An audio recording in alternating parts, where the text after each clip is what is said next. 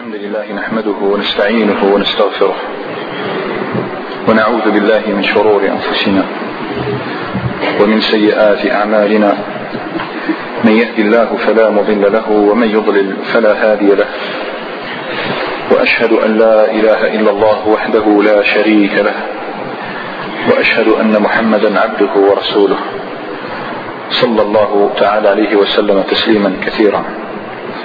أما بعد فهذا هو المجلس الرابع والعشرون من مجالس دراسة سيرة النبي صلى الله عليه وسلم. وكنا قد رأينا في المجلس الأخير مرحلة عظيمة ألا وهي طريق النبي صلى الله تعالى عليه وسلم إلى المدينة. واليوم إن شاء الله تعالى سنتناول الأيام الأولى في دار الهجرة النبوية. وتحت هذا أو تحت هذه الأيام وفي كان في هذه الأيام الأولى في دار الهجرة سنتطرق إلى وصوله إلى قباء ثم منزله ومدة لبثه هناك ثم دخوله إلى المدينة ثم بناء مسجد رسول الله صلى الله عليه وسلم والمؤاخاة بين المهاجرين والأنصار. ففي يثرب التي حول النبي صلى الله تعالى عليه وسلم اسمها إلى المدينة وطيبة وطابة. فقال أمرت بقرية تأكل القرى. إنهم يدعونها يثرب وهي طابة. فكان ينتظره الألوف وبلغهم أن النبي صلى الله عليه وسلم بقباء لكن كيف علموا ذلك؟ عندما طارت القلوب إليه شوقا أكثر مما كانت عليه يقول عروة بن الزبير كما في صحيح البخاري وحيثما ذكرت حديث عروة فهو في صحيح البخاري. يقول سمع المسلمون بالمدينة مخرج رسول الله صلى الله عليه وسلم من مكة. فكانوا يغدون كل غداة إلى الحرة ويغدون هو الانصراف وقت الغداة.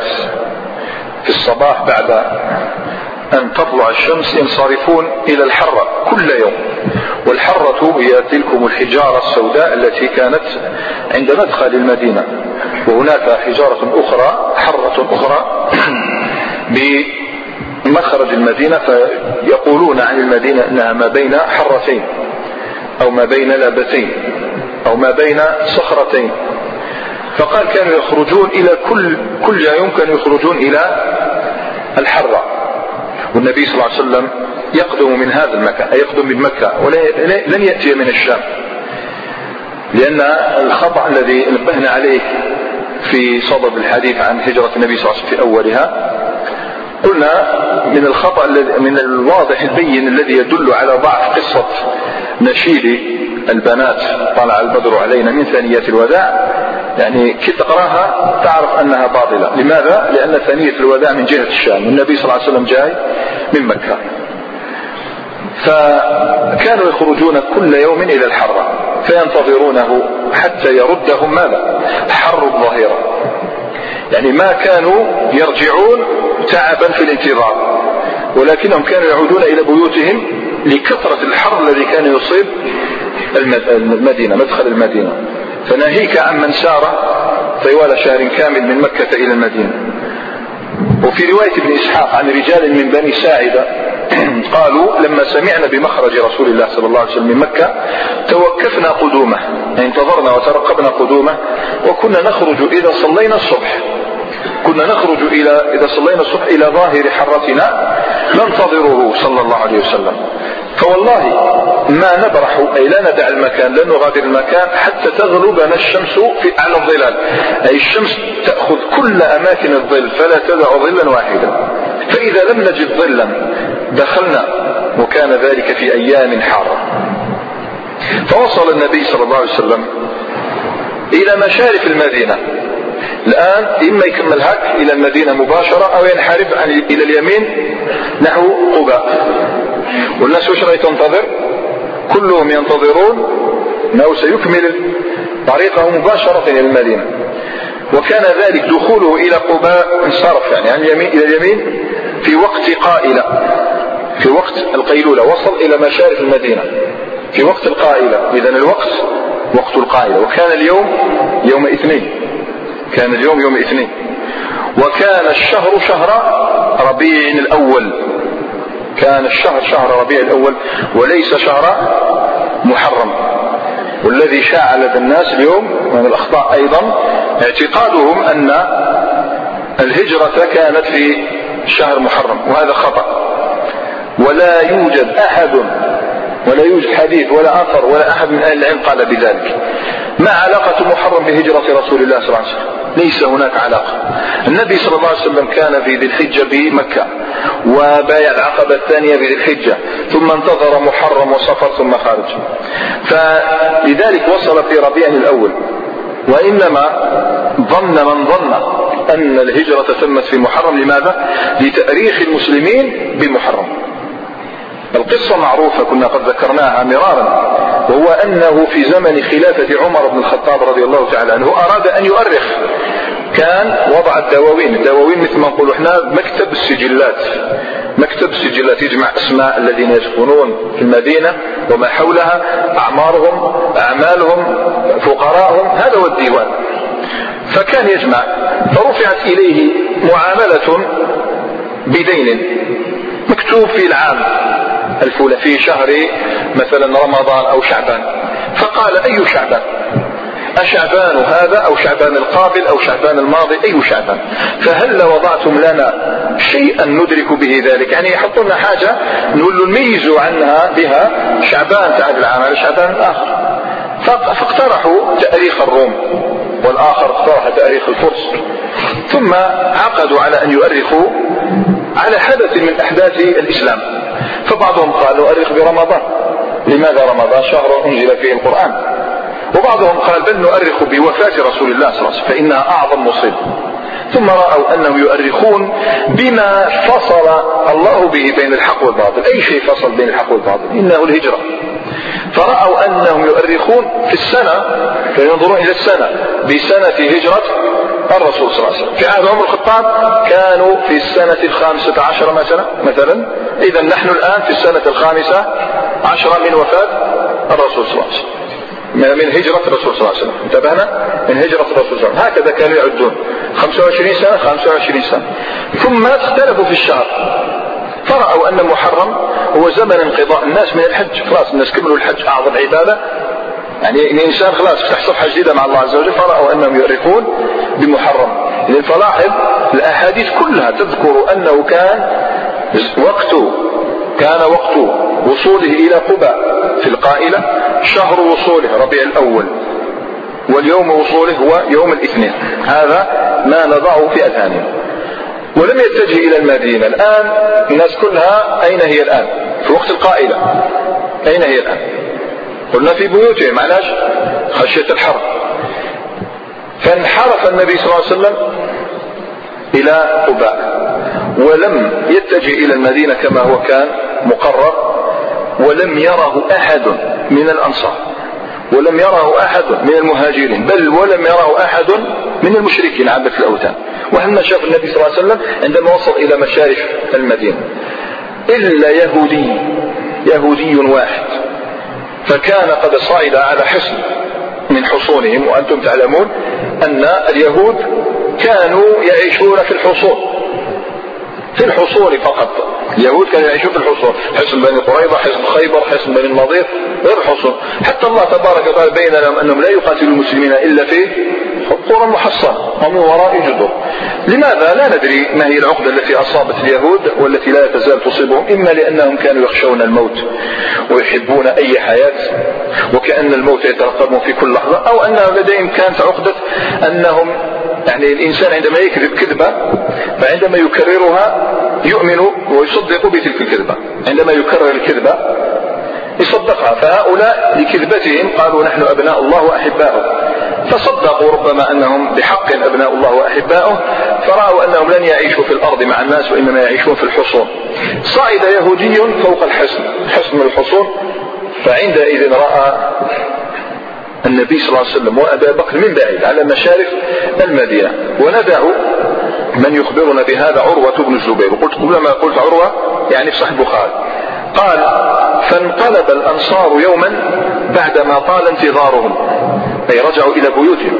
فلما أووا إلى بيوتهم أوفى رجل من يهود على أطم من آطامهم لأمر ينظر إليه. فبصر برسول الله صلى الله عليه وسلم وأصحابه مبيضين يزول بهم الشرف من أين جاءهم البياض؟ من أين جاء النبي صلى الله عليه وسلم لباس الأبيض؟ قلنا التقى في الطريق بالزبير بن العوام ابن عمي ابن عمته وزوج أسماء بنت أبي بكر الصديق.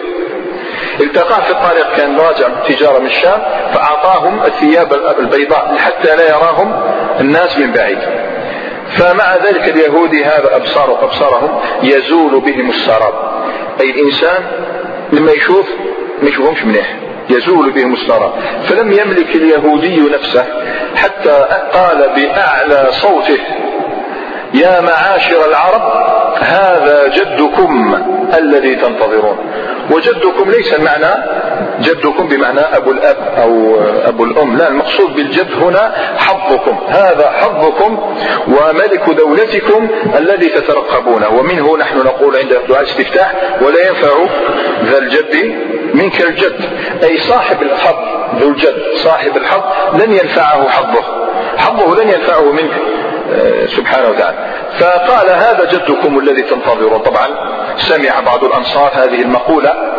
وهم على الأرض. قال فثار المسلمون إلى السلاح. حملوا سلاحهم وراحوا يجيبوا النبي صلى الله تعالى عليه وسلم من بعيد. لماذا؟ لأن الأمر فيه خطر على حياة الرسول صلى الله عليه وسلم. لا تدري كان في كما سيأتي معنا إن شاء الله في المجلس القابل كان هناك أناس سيزعجهم وجود الرسول صلى الله عليه وسلم بالمدينة. وهم المنافقون. واليهود أيضا يزعجهم وجود الرسول صلى الله عليه وسلم في المدينة. فثار المسلمون إلى السلاح فتلقوا الرسول صلى الله عليه وسلم خرجوا مباشرة بظهر الحرة. خرجوا إلى غاية الحرة فلما وصلوا إليه عدل بهم ذات اليمين. المفروض يدخل بهم المدينة. فعدل بهم ذات اليمين حتى نزل بهم في بني عمرو بن عوف. إذا الرسول صلى الله عليه وسلم لم يذهب مباشرة إلى المدينة. نزل بقباء. وكان يقول عروة وذلك يوم الاثنين من شهر ربيع الأول. فقام أبو بكر رضي الله تعالى عنه للناس. أي كان هو الذي يتولى لقاء الناس ومحادثتهم. وجلس رسول الله صلى الله عليه وسلم صامتا. فطفق الأنصار أي بدأ الأنصار ممن لم يرى رسول الله صلى الله عليه وسلم. بكى الأنصار ما كانوش يعرفوا وجه الرسول صلى الله عليه وسلم. ما كانوا يميزون النبي صلى الله عليه وسلم من أبي بكر. واش راح يديروا فكانوا يحيون أبا بكر. يجوا له ويتخمسوا معه مثلا ويحيونه. يظنونه هو النبي صلى الله عليه وسلم. ففي رواية, في رواية ابن إسحاق قال ومعه أبو بكر في مثل سنه. وأكثرنا لم يكن رأى رسول الله صلى الله عليه وسلم قبل ذلك. وركبه الناس. أي أبو بكر ركبه الناس ازدحموا عليه. وما يعرفونه من رسول الله صلى الله عليه وسلم. حتى زال الظل.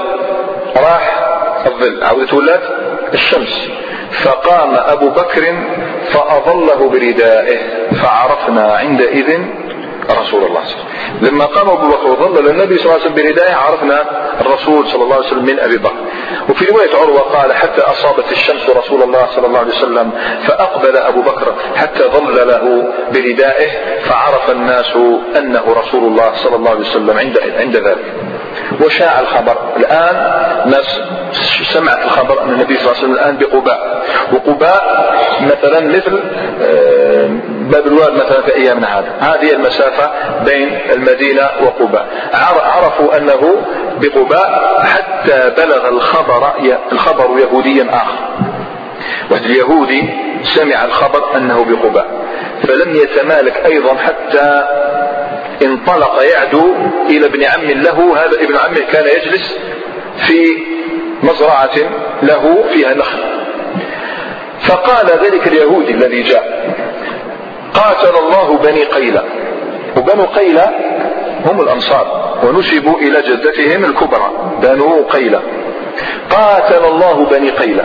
والله إنهم لمجتمعون الآن بقباء. على رجل قدم من مكة يزعمون أنه نبي. هذا اليهودي جاء فأخبر به ابن عمه. طبعا نحن لا نعرف ما الذي حدث لهذا اليهودي. لما سمع الخبر إحنا ما بلاش ما أكيد. يعني من المؤكد يعني أنه قد امتلأ غيظا. لكن ما يهمناش إحنا اليهودي. ولن نتعجب من يهودي كيف سيسمع كيف كيف سيتلقى خبر مجيء النبي صلى الله عليه وسلم. لكن الذي نتعجب منه وأنت ترى لو كنت هناك تتعجب من ما حدث لعبد من عبيده. كان هذا العبد كادحا حزينا يعني عبد ذهبت منه حياته حريته. وكان فوق النخلة يعمل في عث من أعداق النخل. فلما سمع الخبر أخذته ذلك العبد رعدة حتى كاد يسقط من على النخلة. قد فلم لكنه تماسك شد روحه ما وقع حتى انحدر عنها. هذا العبد هذا أمسك نفسه من أن تسقط من على الشجرة لكنه لم يستطع أن يكتم صرخة خرجت من نفسه فقال يصرخ وصراخ الفرحان الإنسان الفرح. فقال ماذا تقول؟ ماذا تقول؟ يعني يسأل ذلك اليهود اللي جاب الخبر. طبعا هذه سيخلصها غالية. هذه الفرحة راح يخلصها. فهذا العبد من هو؟ هذا العبد صح إنه عبد لكنه يفوق ملوك الدنيا كلهم. عبد يقول فيه الرسول صلى الله عليه وسلم لو كان الإيمان بالثريا لناله رجال من هؤلاء. وفي رواية أخرى هذه رواية الترمذي أبي هريرة لو كان الإيمان منوطا بالثريا. الثريا شو هي؟ النجوم. نجوم مجتمعة الآن. كان نجوم دائما تشوفوها مجتمعة هذه الثريا. لو كان الإيمان بالثريا لناله رجال من فارس. عبد لا زال المسلمون يرددون فيه حديث رسول الله صلى الله عليه وسلم سلمان منا أهل البيت. إنه سلمان الفارسي. كان عبد عند يهودي وهذا تعرفونه. فندعه الآن يخبرنا قصته. كيف؟ طبعا مش قصته من الأول لأن رأيناها في دلائل النبوة. يعني يحكي لنا ويقص لنا كيف تلقى هو الخبر. قال لم طبعا تعرفوا انه قصة سلمان معروفة بقصة الباحث عن الحق. الباحث عن الحق كان مجوسيا ثم صار نصرانيا فظل عند بعض الرهبان يتنقل من راهب إلى راهب. كل ما مات راهب يذهب إلى راهب آخر حتى التقى راهبا بعمورية بالشام وكان رجلا صالحا على الحق ليس على الدين النصراني المحرف محرف. فلما حضرته الوفاة قلت له يا فلان إني كنت مع فلان فأوصى بي إليك فإلى من توصي بي؟ وبماذا تأمرني؟ فقال ذلكم الراهب أي بني والله ما أعلمه قد أصبح على ما كنا عليه أحد من الناس. خلاص ما في واحد باق على الدين الحق ولكنه قد أضلك. زمان نبي مبعوث بدين إبراهيم عليه السلام. يخرج بأرض العرب مهاجرا. اعطاه صفات حياة النبي صلى الله عليه وسلم مفصل. يخرج من أرض العرب مهاجرا إلى أرض بين حرتين. بينهما نخل. بينهما نخل. أي فيها نخل. به علامات لا تخفى. يعني إذا رأيته علمت أنه نبي. بسمته ووقاره وخشوعه. يأكل الهدية. ولا ياكل الصدقة. بين كتفيه خاتم النبوة. فإن استطعت أن تلحق بتلك البلاد فافعل. ومات الراهب سلمان الآن كيف سيفعل؟ قال ثم مات فمكثت بعمورية ما شاء الله أن أمكث حتى ولا يعرف بلاد العرب حتى مر بي نفر تجار من بني كلب. فهؤلاء النفر قلت لهم تحملونني معكم؟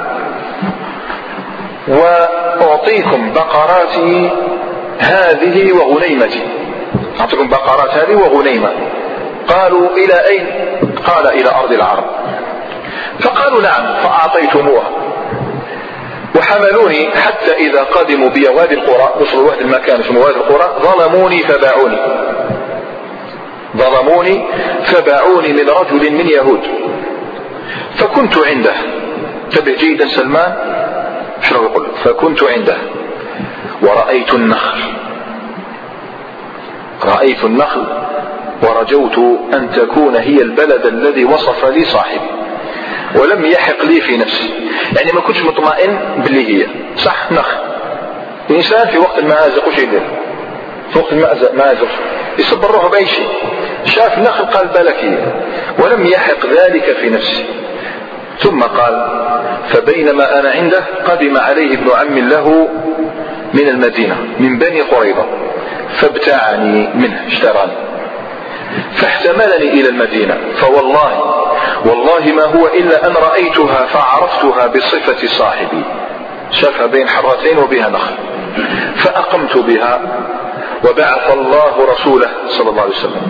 فأقام بمكة ولم أسمع عنه خبرا لما فيه من شغل في الرق. كنت محروم من سماع أخباره. ثم هاجر إلى المدينة. فوالله إني كنت في عتق لسيد أعمل فيه. إذ أقبل ابن عم له يقول قاتل الله بني قيلة. والله إنهم الآن لمجتمعون بقباء. على رجل قدم عليهم بمكة من مكة يزعمون أنه نبي. قال فلما سمعتها أخذتني العرواء والعرواء هي الرعدة الشديدة. حتى ظننت أنني سأسقط على سيدي. قال ونزلت عن النخلة فجعلت أقول لابن عمه الذي نقل لنا الخبر ماذا تقول؟ ماذا تقول؟ فغضب سيدي فلكمني لكمة شديدة. ثم قال ما لك ولهذا؟ أقبل على عملك. قال فقلت لا شيء إنما أردت أن أستثبت عما قال. لاحظ سلمان خلى الليل راح خلى الليل نهار راح خلى الليل نزل. قال كان عندي شيء قد جمعته. فلما أمسيت أخذته فذهبت إلى رسول الله صلى الله عليه وسلم وهو أين النبي صلى الله عليه وسلم؟ بقباء. راح للقباء وهو بقباء فدخلت عليه. فقلت له إنه قد بلغني أنك رجل صالح ومعك أصحاب لك غرباء ذو حاجة وهذا شيء عندي للصدقة. أرى أنكم أحق به من غيركم. قال فقربته إليه فقال رسول الله صلى الله عليه وسلم لأصحابه كلوا. وأمسك يده فلم يأكل. فقلت في نفسي هذه واحدة. هو عبد. عبد. والعبد لا يملك. العبد لا يملك. هذا الشيء جمعه خفية. أخذه إلى النبي صلى الله عليه وسلم. إذا الآن باش يزيد. يعرف وقتاش يأكل الهدية ولا المحتاج لازم له لازم له أيام لازم له تأويل. لازم له أيام يجمع فيها أشياء باش يزيد يقدم له أشياء. فرجع إليه بعدما رجع إلى المدينة. النبي صلى الله عليه وسلم دخل المدينة راح له سلمان الفارسي. فجمعت شيئا. وتحول رسول الله صلى الله عليه وسلم إلى المدينة. ثم جئته فقلت إني رأيتك لا تأكل الصدقة وهذه هدية أكرمتك بها. قال فأكل رسول الله صلى الله عليه وسلم منها وأمر أصحابه فأكلوا معه. قال فقلت في نفسي هاتان اثنتان همز شويج على ثلاثة. قالت الثالثة وهي خاتم النبوة. ثم جئت رسول الله صلى الله عليه وسلم بعد أيام وهو ببقيع الغرقد. بقيع الغرقد أين يدفن مقبرة أصحاب النبي صلى الله عليه وسلم. وقد تبع جنازة من أصحابه. عليه شملتان. عليه شملتان. وهو جالس في أصحابه فسلمت عليه ثم استدرت أنظر. دار ليه؟ ثم استدرت استدرت أنظر إلى ظهره. يعني هذا. هل أرى الخاتم الذي وصف لي صاحب؟ فلما رآني رسول الله صلى الله عليه وسلم شاف النبي صلى الله عليه وسلم يشوفه فلما رآني رسول الله صلى الله عليه وسلم استدرته عرف أني أستثبت في شيء وصف لي. النبي صلى الله عليه وسلم فاق أنه يبحث عن شيء فيه. فألقى رداءه عن ظهره. فألقى رداءه عن ظهره فنظرت إلى الخاتم والخاتم هي لحمة ناتئة في الجلد عن النبي صلى الله عليه وسلم قدر بيضة الحجل. فنظرت إلى الخاتم فعرفته فانكببت عليه أقبله وأبكي. فقال لي رسول الله صلى الله عليه وسلم تحول يعني حبس خلاص تحول فتحولت فقصصت عليه القصة هكذا كان خبر وصول النبي صلى الله عليه وسلم إلى قباء وصل القباء. الآن مدة لبثه في قباء. وأين نزل؟ وين نزل؟ وشحال قعد في قباء؟ يذكر ابن إسحاق أن رسول الله صلى الله عليه وسلم عندما دخل قباء نزل عند رجل يقال له كلثوم ابن هدم. كلثوم ابن هدم. ومنهم من قال نزل عن عند خيثمة بن سعد. لكن الذي يتمعن في الروايات يجد أنه لا خلاف. لماذا؟ النبي صلى الله عليه وسلم كان يبات عند كان نازل عند كلثوم بن هدم. تعرف ليش؟ لأن كلثوم بن هدم متزوج له من يطبخ للأضياف مش الراجل يروح يطيب وخيثم بن سعد عزب إنسان عزب انتبهنا. فالنبي صلى الله عليه وسلم كان ينزل عند كلثوم لكن في النهار حيث يستقبل أصحابه أين ينزل؟ عند خيثم بن سعد. فظن الظان أنه نزل عند خيثم بن سعد. لا هو نزل عند كلثوم بن هدم وخيثم بن سعد يستقبله في النهار حتى يلقى أصحابه. هذا لا يمكن أن يجمع فيه بينه بين روايته. قال عروة كما في الصحيح فلبث رسول الله صلى الله عليه وسلم احفظ هذا كم لبث؟ فلبث في بني عمرو بن عوف أهل قباء اسمهم بنو عمرو بن عوف. بضع عشرة ليلة. وجاءت رواية تصرح 14 ليلة. 14 ليلة جلسها في قباء. وأسس المسجد الذي أسس على التقوى. من المسجد الذي أسس على التقوى؟ وهو مسجد قباء. والنبي صلى الله عليه وسلم أراد أن يكافئهم. أراد أن يكافئهم بهذا بهذه الاستضافة وبهذه الإعانة وبهذا البناء لهذا المسجد. فقال من صلى ركعتين في مسجد قباء كان له أجر عمرة. كان له مثل عمرة. إنسان يصلي ركعتين في مسجد قباء كان له أجر عمرة. هذه مكافأة له. قال عروة وصلى فيه رسول الله صلى الله عليه وسلم. ثم ركب راحلته. أي يقصد المدينة. فسار يمشي معه الناس. طبعا إحنا رواية البخاري ما تفصلش. رواية ابن إسحاق تفصل النبي صلى الله عليه وسلم في رواية ابن إسحاق أنه خرج يوم جمعة من قباء فأدركته الجمعة في بني سالم بن عوف. بني سالم بن عوف.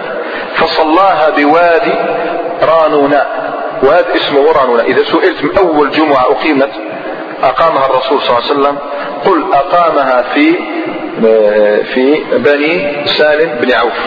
في بني سالم بن عوف. وواد اسمه رانوناء فكانت أول جمعة صلاها رسول الله صلى الله عليه وسلم في الهجرة. بعد ما انقضت الجمعة وهو يسير أدركهم غربت الشمس. إذا سيدخلون المدينة ليلا. دخل النبي صلى الله عليه وسلم المدينة ليلا. تبع ليش؟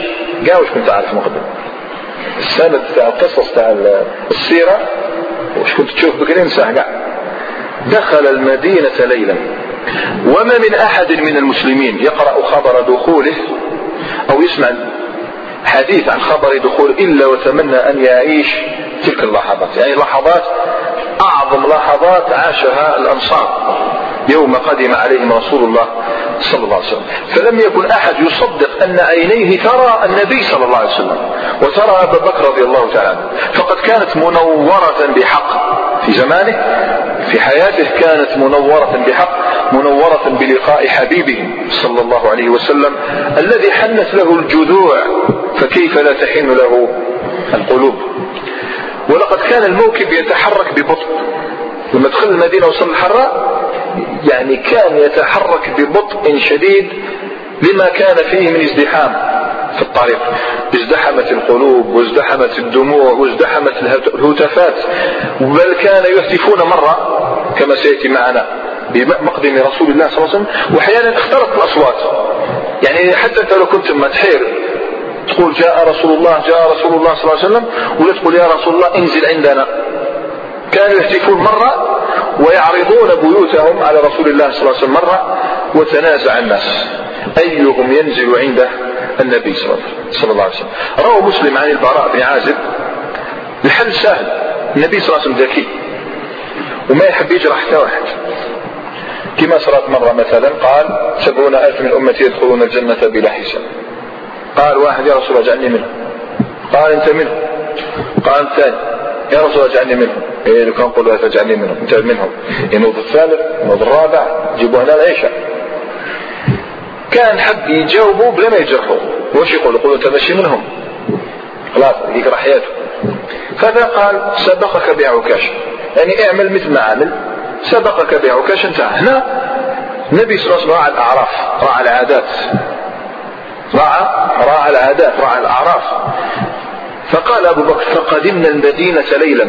هذا الحديث صحيح مسلم. قدمنا المدينة ليلا. فتنازعوا أيهم ينزل عليه رسول الله صلى الله عليه وسلم. فقال انت لو كان تروح مثلا؟ منطقة من المناطق في هذه البلاد. وتنزل عند واحد غريب. ما تنزلش عند عمك مثلا. يغضب ولا ما يغضب؟ هو ماذا به؟ ما تجيش لا. على الاعراف الصحيحه الأعراف الصحيحة التقاليد الصحيحه يعني كان كانوا يغضبون إذا جئت. بلدا ولا تنزل عنده. لازم تنزل عندي. فقال النبي استغل هو النبي صلى الله عليه وسلم هذه العقلية العربية. فقال أنزل على بني النجار. أنزل على بني النجار أخوال عبد المطلب. أخوال عبد المطلب ننزل عندهم. شفنا باللي هم أخواله. أكرمهم بذلك يعني حتى لا يغضبوا وبنو النجار. بنو النجار بزاف. سنرى كيف سيجد حلا كيف سيجد حلا يخرجه من هذا المأزق. فصعد قال أبو بكر فصعد الرجال وصعد النساء فوق البيوت وتفرق الغلمان. والخدم في الطرق ينادون يا محمد صايد الرئيس صغار وخدامين يا محمد يا بس كان صاحبهم يا محمد ثم قال يا رسول الله يا محمد يا رسول الله صلى الله عليه وسلم. قال أبو بكر فتلقاه الناس فخرجوا في الطرق وعلى الأناجير الأناجير هي السطوح واشتد الخدم والصبيان في الطريق يقولون الله أكبر جاء رسول الله صلى الله عليه وسلم الله أكبر جاء محمد صلى الله عليه وسلم. طبعا هذه المشاهد كلها تبين لنا كيف كانت المدينة في ذلك اليوم. ويقول البراء كما في الصحيحين. براء بن عازب كما في الصحيحين يقول أول من قدم علينا من أصحاب النبي صلى الله عليه وسلم شكون؟ أول صحابي دخل المدينة وهو بمكة. جميل. دير لي هكذا نعرف اللي راك السلطان. ما هو؟ مصعب بن عمير. مصعب بن عمير أول صحابي دخل المدينة. كان هو أول من عنده وعبد الله بن أم مكتوم. كان يقرئان القرآن. كان يقرئهم القرآن. ثم جاء عمار وبلال وسعد. ثم جاء عمر بن الخطاب في عشرين. شوف يعني جاءوا ناس ما شاء الله يعلمونهم القرآن يعلمونهم السنة فرحة ولا لا؟ لكن يقول البراء والله ما رأيت أهل المدينة فرحوا بشيء فرحهم برسول الله صلى الله عليه وسلم. حتى رأيت الولائد وهن البنات والصبيان يقولون هذا رسول الله صلى الله عليه وسلم قد جاء. يعني هذا دليل على أنهم كلهم كانوا ينتظرون بشوق مجيء النبي صلى الله عليه وسلم. أما أنس بن مالك صغير أنس بن مالك في عمره عشر سنوات. صغير. مسكين حاب. ولد صغير طبعا ما يبانش مع مع مع الكبار. ما يبانش كاع مع الكبار. من هكذا. سنة الترمذي واش قال؟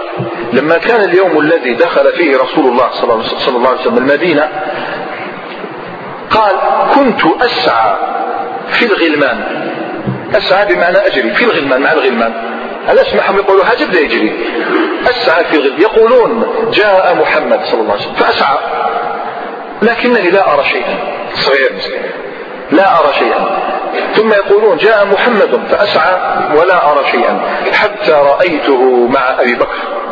فخرج أهل المدينة حتى إن العواتق لفوق البيوت يتراءين هكذا. يتراءين ويقول أيهم هو؟ أيهم هو؟ قال والله ما رأينا منظرا مشبها به يومئذ. قال أنس بن مالك في رواية أخرى في سنن الترمذي. طبعا يصف لك ذلك اليوم الذي دخل فيه النبي صلى الله عليه وسلم. يقول لما كان اليوم الذي دخل فيه رسول الله صلى الله عليه وسلم المدينة أضاء منها كل شيء. هذا إذا قلت بهذا الاعتبار سميتها المدينة المنورة فلا بأس. يعني لما دخلت أضاءت. أما الآن وهو في قبره فلا يجوز لك أن تصفها بمنورة وأنت تعتقد أنها منورة بذاته. في حياته كانت منورة بذاته لكن الآن هي منورة بالوحي فقط. قال أضاء منها كل شيء فلما كان اليوم الذي مات فيه صلى الله عليه وسلم أظلم منها كل شيء. فما نفضنا أيدينا عن دفنه إلا وأنكرنا قلوبنا. صلى الله عليه وسلم. صح بقاو جماعة ما زال ما شفناهمش. شفنا النساء وش دار؟ طلعوا فوق السطوح بدا يشوف. بنات صغار يجري. شفنا الرجال يكبروا ويناديوا بالعكس يردوا سلاح. بقاو واحد الجماعة طائفة من الناس جاوا دخلوا المدينة منين؟ من الحبشة. المسلمون جابوا معهم ناس من الحبشة. أسلموا على أسلم على أيديهم كثير من الأحباش ولما جاء الإذن بالهجرة النبي من المدينة دخلوا. فماذا كان يفعل ماذا كان يفعل هؤلاء الأحباش؟ ما خليوا حتى حاجة إلا بينوها إن شاء الله. جاء في سنن أبي داود مسند الإمام أحمد. هذا لا تسأل عن فرحتهم. الأحباش لا تسأل عن فرحتهم يقول أنس بن مالك لما قدم رسول الله صلى الله عليه وسلم المدينة لعبت الحبشة لقدومه بحرابهم فرحا بذلك. هذا الذي يسمونه رقص اليوم. رقص بالحراب يعني يركضون بالحراب ويفعلون الحركات. يعني هم ليس رقصا بالارداف ولا أدري رقص بالحراب فهم فرق بين رقص بالحراب هذا لا بأس به. قال لعبت الحبشة لقدومه بحرابهم فرحا بذلك. أما الجواري فحملنا الدفوف يضربن عليها وكنا يتغنين. ففي سنن ابن ماجه والبيهقي عن أنس بن مالك أن النبي صلى الله عليه وسلم مر ببعض المدينة فإذا هو بجوار يضربن بدفرهن ويتغنين. نحن جوار بني من بني النجار.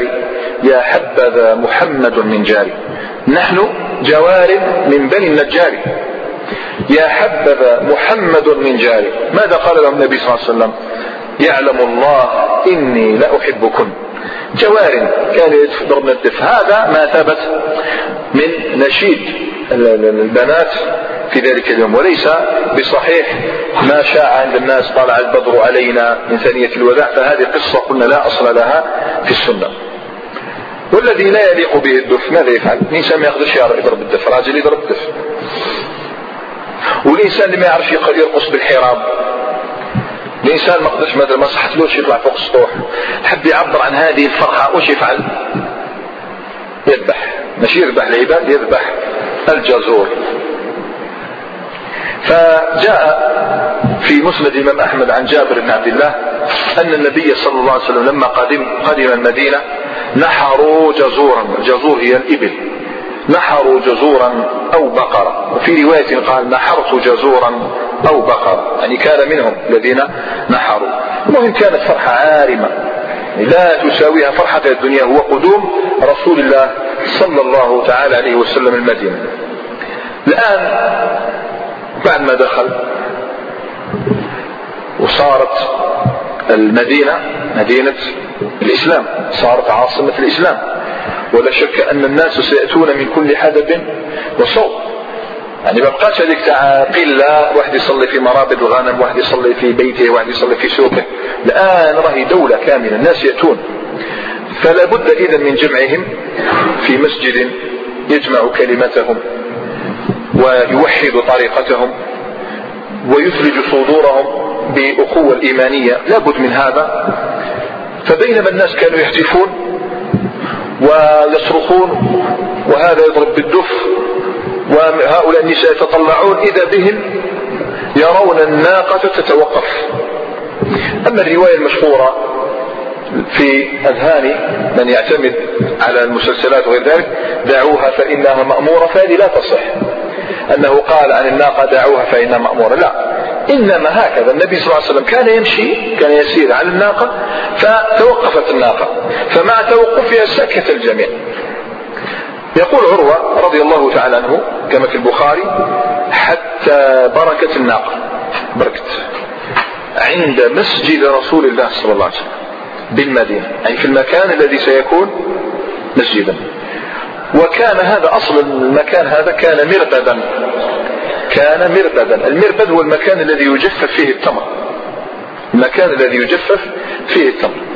وهذا البستان هذا كان ليتيمين غلامين يتيمين أحدهما سهل والآخر سهيل. وكان في حجر سعد بن عبادة أو أسعد بن زرارة. الآن النبي صلى الله عليه وسلم كأنه أمر باتخاذ هذا المكان مسجدا. فقال حين بركت راحلته هذا إن شاء الله هو المنزل هذا منزل. ثم دعا الغلامين فساومهما بالمربد ليتخذه مسجدا. فقال غلامين وش قالوا؟ كلا بل نهبه لك يا رسول الله. نعطيه اياك ما نسحقوا يتيمان عندهم والو؟ عندهم ولا شيء. والتمر يعني هو الثروة هو الثروة العظيمة لأهل الزراعة. نهبه لك يا رسول الله صلى الله عليه وسلم. فأبى فأبى رسول الله صلى الله عليه وسلم أن يقبله منهما هبة حتى ابتاعه منهما. ثم بناه مسجدا. وطفق رسول الله صلى الله عليه وسلم ينقل معهم اللبن في بنيانه. اللبن هي الطوب حجارة هكذا. كان يفد معهم اللبن. صلى الله عليه وسلم.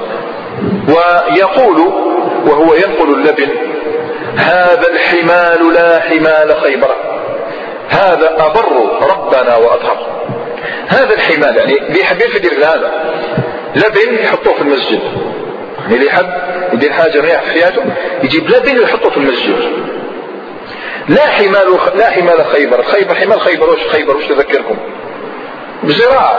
خيبر كي تشوف واحد حامل معناته حامل تمر زبيب عنب غير الدنيا مال بقى هذا الحمال لا حمال خيبر. هذا أبر ربنا وأطهر. أي هذا أكثر أجرا. لا مثل أهل خيبر الذين يحملون فقط المأموال. وقال اللهم إن أجر اللهم إن الأجر أجر الآخرة. فارحم الأنصار والمهاجر تعرفوا الرواية هذه ثابتة بلفظ آخر.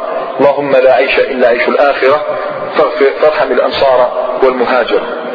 المهم النبي صلى الله عليه وسلم كان يحمل معه. في الصحيحين قال أنس يصف لنا المكان هذاك قال أقول لكم فيه أنه قبور المشركين. هذاك المكان كان مدفون فيه المشركون. وفيه خارب. الخارب هي الدار التي انهدمت وفيه نخل. فأمر النبي صلى الله عليه وسلم بقبور المشركين فنبشت. وأمر بالخارب فسويت. وأمر بالنخل فقطعت. فصفوا النخل من قبل في قبلة المسجد داروا النخل هكذا. النخل هو يدل على القبلة. انتبهنا هكذا كانت عقلية الناس. النخل تجاه النخل تعرف القبلة. وجعلوا عضادتين من الحجارة. العضادة هو جانب الباب. تشوف هذا الباب. عنده جانبان. جعلوه من الحجارة. الباب ما داروش يعني جعلوا حجارة رفعوها. هذا هو الباب. والنبي صلى الله عليه وسلم معهم وهم يرتجزون. الرجز هو نوع من الشعر. ويقولون اللهم لا خير إلا خير الآخرة. فاغفر للأنصار والمهاجر هذا الحديث في الصحيحين عن أنس. كان النبي صلى الله عليه وسلم يتعب كما يتعبون. ويتصفد جبينه عرقا كما يتصفد.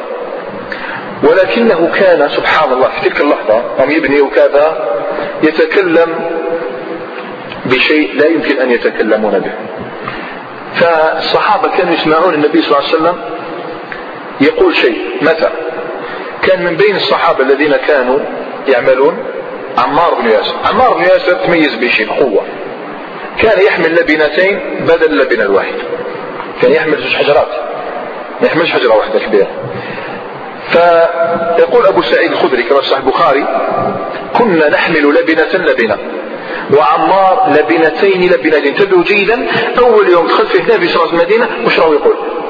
وعمار لبنتين لبنتين فرآه النبي صلى الله عليه وسلم فإذا رآه نفض عنه التراب. شوف تواضع النبي صلى الله عليه وسلم. نفض عنه التراب ويقول ويح عمار تقتله الفئة الباغية. يدعوهم إلى الجنة ويدعونه إلى النار. من الآن؟ أول يوم دخلت في المدينة تحدث بهذا الرسول صلى الله عليه وسلم. يعني عمار ستقتله الفئة الباغية. خلاف ينشب بين المسلمين فيقتل عمار من الفئة الباغية. عندئذ أدرك الصحابة الذين كانوا سمعوا بهذا الحديث أدركوا أن الطائفة الأولى هي الباغية. انتبهنا أدركوا أن الطائفة الأولى الطائفة التي قتلت عمار هي الباغية فرجعوا إلى صف علي رضي الله تعالى عنهم أجمعين. كان عمار ياسر طبعا يتعجب. ويح عمار تقتله فئة باغية فيقول أعوذ بالله من الفتن. أعوذ بالله من الفتن. هل المسجد يكفي. المسجد وحده لا يكفي. فلما كان المسجد يحتاج إلى أيام. أباكم المسجد ما ما تبناش. والنبي صلى الله عليه وسلم لابد يبات يبات في مكان لازم يريح في مكان. والمسجد يحتاج إلى أيام يحتاج إلى أيام باش يبنى. كان لابد أن يختار بيتا من بيوت بني النجار. شو الذكاء؟ شو يدير الآن؟ ماذا سيفعل؟ فقال كما صح البخاري من حديث أنس أي بيوت أهلنا أقرب؟ شعب ما شاء الله. أي بيوت بني النجار أقرب إلى المسجد. مفهوم؟ شوف يعني كيف؟ عرف النبي صلى الله عليه وسلم كيف؟ لم يجرح حتى واحد فقال أبو أيوب رضي الله تعالى عنه أنا يا نبي الله. هذه داري وهذا بابي ها أقرب بيت إلى المسجد. فقال النبي صلى الله عليه وسلم فانطلق فهيئ لنا مقيلا. قال قوما على بركة الله. فقيلا ادخلوا تناموا شوي. فحل بدار أبي أيوب الأنصاري. الجميع يغبطه. يبات عنده رسول الله صلى الله عليه وسلم. فالمدينة كانت قلوب آه، كانت قلوبا والقلوب كانت بيوتا. يعني ما كاش إنسان إلا ويطمع فين ينزل عنده الرسول صلى الله عليه وسلم وأبو بكر. تعالوا بنا إذا ندخل إلى هذا البيت دار أبي أيوب الأنصاري ونرى كيف ضرب لنا هذا الصحابي أروع المثل. هذا الصحابي ضرب لنا أروع المثل في محبة رسول الله صلى الله عليه وسلم. تعظيم عجيب. رضي الله عنه وأرضاه. ففي صحيح مسلم عن أبي أيوب الأنصاري أن الرسول صلى الله عليه وسلم نزل عليه. فنزل النبي صلى الله عليه وسلم في السفر مكان سافل عنده طابقان وأبو أيوب في العلو. خلاص طاح الظلام. كل واحد دخل في فراشه فانتبه أبو أيوب فاق فانتبه أبو أيوب ليلة. فقال لزوجته نمشي فوق رسول الله صلى الله عليه وسلم. إحنا أحباب. أنا ما فيها والو ما شيء نمشي فوق رسول الله صلى الله عليه وسلم. فتنحوا جانبا فباتوا فيه. دنوا جانب ضيق بات فيه هو وأهله كلهم. وحنا يبات في الجهة اللي عليها الرسول صلى الله عليه وسلم. يعني كاش راحة. وظلوا لم لم يصب عيني أعينهم نوم إلى أن أشرقت الشمس. ما ما استطاعوا أن يناموا لأنهم خلاص وقفوا بجانب وقفوا بجانب الحائط يعني تنام. ظلوا واقفين إلى النهار كيف؟ أنا فوق الرسول صلى الله عليه وسلم. فلما أصبح ذهب إلى رسول الله صلى الله عليه وسلم فأخبره الخبر. أي لا بد أن تكون أنت في العلو وأنا أكون في السفل. فقال له النبي صلى الله عليه وسلم السفل أرفق بنا. السفل أرفق بنا. يعني إحنا آه، أحسن لنا. يعني وكان تولي وكان نولي أنا لتحت انت الفوق. وكان نولي أنا الفوق تحت يعني كل ما نجي ندخل نتحرج من زوجك تحرج من بناتك صح؟ تبان. هذا موش بك ثانيا جاءت في رواية بيها إيش قالوا؟ يغشاني أصحابي. الناس يجوا يقصدوني بأسئلة وهكذا. كيف سيصعدون إلى أعلى؟ خليني تحت السفل أرفق بنا. فقال قال أبو أيوب لا أعلو سقيفة أنت تحتها. فتحول النبي صلى الله عليه وسلم في العلو وأبو أيوب في السفل. إيش تحب فصعد النبي صلى الله عليه وسلم فوق ونزل أبو أيوب تحت. فكان يصنع للنبي صلى الله عليه وسلم طعاما فإذا جيء به إليه سأل عن يعني كي يجيبوا له الطعام خلاص كلا الرسول صلى الله عليه وسلم. كي يجيبوا كي يجيبوا له الصحن تاع الرسول صلى الله عليه وسلم يسأل عن مواضع أصابع النبي صلى الله عليه وسلم. وين كلا أين أكل النبي صلى الله عليه وسلم؟ قال فيتتبع موضع أصابعه. مرة صنع له طعام. فيه ثوم وفي رواية بصل. صنع له طعام فيه ثوم وفي رواية فيها بصل فلما رد إليه جاء سأل عن موضع أصابع النبي صلى الله عليه وسلم. فقيل له إنه لم يأكل. شكون لك له غير صعب إنه لم يأكل. ففزع وصعد إلى النبي صلى الله عليه وسلم وقال يا رسول الله صلى الله عليه وسلم أحرام هو؟ شو لك المتابعة؟ حب وحده ما يكفي حب ومتابعة. أحرام هو؟ فقال النبي صلى الله عليه وسلم لا. ولكنني أكرهه. وفي رواية ولكنني أناجى يجيني الملك. يوحي إلي بشيء والملائكة تنفر من هذه الرائحة. إنني أناجى فقال إني أكره ما تكره. كاش. تكره البصل والثوم أنا أكره البصل والثوم. قال وكان النبي صلى الله عليه وسلم يؤتى يؤتى بالوحي. طبعا بقي لدينا فقط آخر محطة من محطات أول يوم من أيام المدينة. نرجع إن شاء الله إلى بعد ما بعد الأذان. تفضل.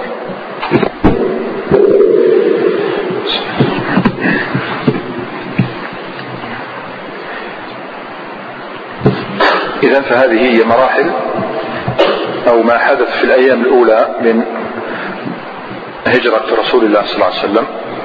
أتينا بها وفق الأحاديث الصحيحة ودائما ندندن حول الأحاديث الصحيحة وبيان أهم مثل هذه الأمور الدقيقة حتى يتصور المؤمن حياة الرسول صلى الله عليه وسلم على أكمل وجه. يعني انصرافه إلى قباء بقي فيها بضعة, بضعة عشرة ليلة. ثم أدركته الجمعة في الطريق فصلى بها الجمعة ثم دخل المدينة رأينا كيف استقبله الأنصار والمهاجرون جميعهم وكيف كان وقع هذا الخبر على آه، بعض الصحابة منهم سلمان الفارسي على الأحباش الذين أسلموا وهاجروا إلى المدينة. ولا كان لابد النبي صلى الله عليه وسلم أن يتخذ مسجدا ويقيم فيه المسجد يقيم فيه فبدأ ببناء المسجد ورأينا كيف تم ذلكم البناء؟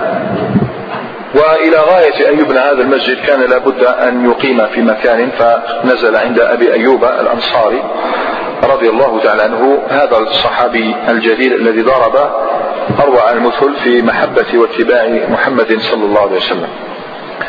تم بناء المسجد على مراد الله ورسوله صلى الله عليه وسلم. ببيت من طين لكن كانت قلوب رواده من حديد فلم يكن مزخرفا ولا مزينا بل كان كما جاء في صحيح البخاري من حديث ابن عمر قال إن المسجد كان على عهد رسول الله صلى الله عليه وسلم مبنيا باللبن لبن هو الطوب من طين مبنيا باللبن وسقفه الجريد جريد النخل. وعمده عموده مثل السواري وعموده خشب النخل. هذا هو مسجد الرسول صلى الله عليه وسلم. وكثيرا ما كان كنا نقرأ الأحاديث ينصرفون من الصلاة وإنهم كان آه، أثر الرمل وأثر الطين يلصق بجباههم. هذا هو مسجد النبي صلى الله عليه وسلم متواضع لكنه أخرج رجالا. ولكن لما صارت بيوت المساجد في هذه الأيام من حديد صارت القلوب من طين وهذا أمر واضح. فهل يمكن بعد بناء المسجد أن يؤدي أن يؤدي المسجد رسالته من جمع كلمة المسلمين؟ جمع كلمة غرباء أناس يأتون من كل حدب وصوب. يعني ناس تأتي من مكة ناس تأتي من اليمن ناس تأتي من الحبشة. هل يمكن أن يوحد كلمتهم ويجمع ويقوي شوكتهم. هل يكتفى ببناء الطوب وترك القلوب؟ هذا لا يمكن. لذلك أدرك النبي صلى الله عليه وسلم أنه لا بد أن يكون المسجد جامع ليس مفرق. يسموه جامع يجمع الناس. فالذي يحتاجه الغريب دائما هو بيت يؤويه وأخ يؤنسه ويذكره. فآخى بين المهاجرين والأنصار في تلكم الأيام الأولى. ففي صحيح البخاري ومسلم عن وسنن النسائي ولفظ النسائي هو الذي اخترناه. عن أنس بن مالك قال آخى رسول الله صلى الله عليه وسلم بين قريش والأنصار.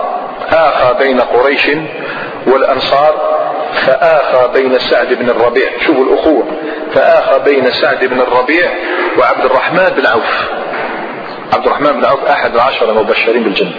فقال له سعد بن الربيع إن لي مالا فهو بيني وبينك شطران. شطران نصف مالي لك كله. ولي امرأتان فانظر أيهما أحب إليك. ما اختارش ما قالش نخلي واحدة وتدي واحدة. لا اختار الآن تقبل.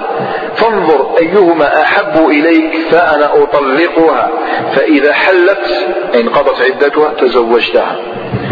فقال عبد الرحمن بن عوف بارك الله لك في أهلك ومالك لكن دلني على السوق. عبد الرحمن بن عوف معروف أنه من كبار التجار يعرف.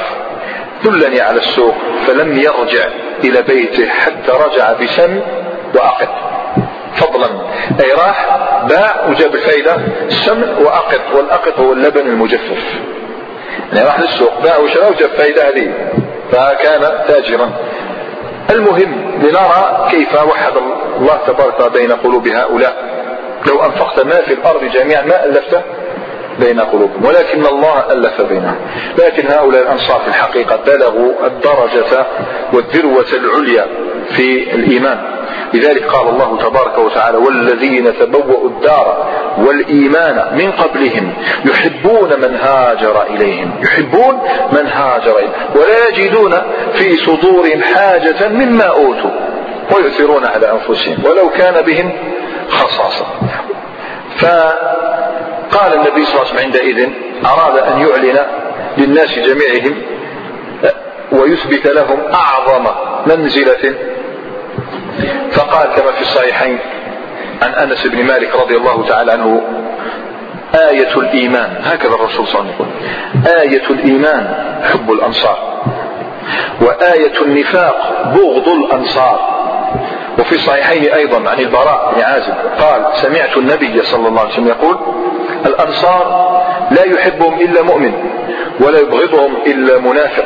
فمن أحبهم أحبه الله ومن أبغضهم أبغضه الله. ونشهد الله تعالى على أننا نحبهم. فبقي الأنصار يتوافدون على النبي صلى الله عليه وسلم. البيوت كلها ملئت بالغبطة والسرور والبهجة وظلوا يقصدون النبي صلى الله عليه وسلم في كل يوم وهو تتلألأ من فمه أنوار الوحي ويعلمهم الكتاب والحكمة ويزكيهم ويعلمهم ما لم يكونوا يعلمون إلا قوما شدوا فشدوا في النار. قوم كان في نزول القرآن في شأنهم أكبر نصيب وأولئك هم المنافقون وعلى رأسهم عبد الله بن أبي بن سلول فهذا ما سنراه إن شاء الله تبارك وتعالى في مجلسنا القابل. ونكتفي بهذا القدر. وسبحانك اللهم وبحمدك أشهد أن لا إله إلا أنت أستغفرك وأتوب إليك. وبارك الله فيكم أجمعين. والسلام عليكم.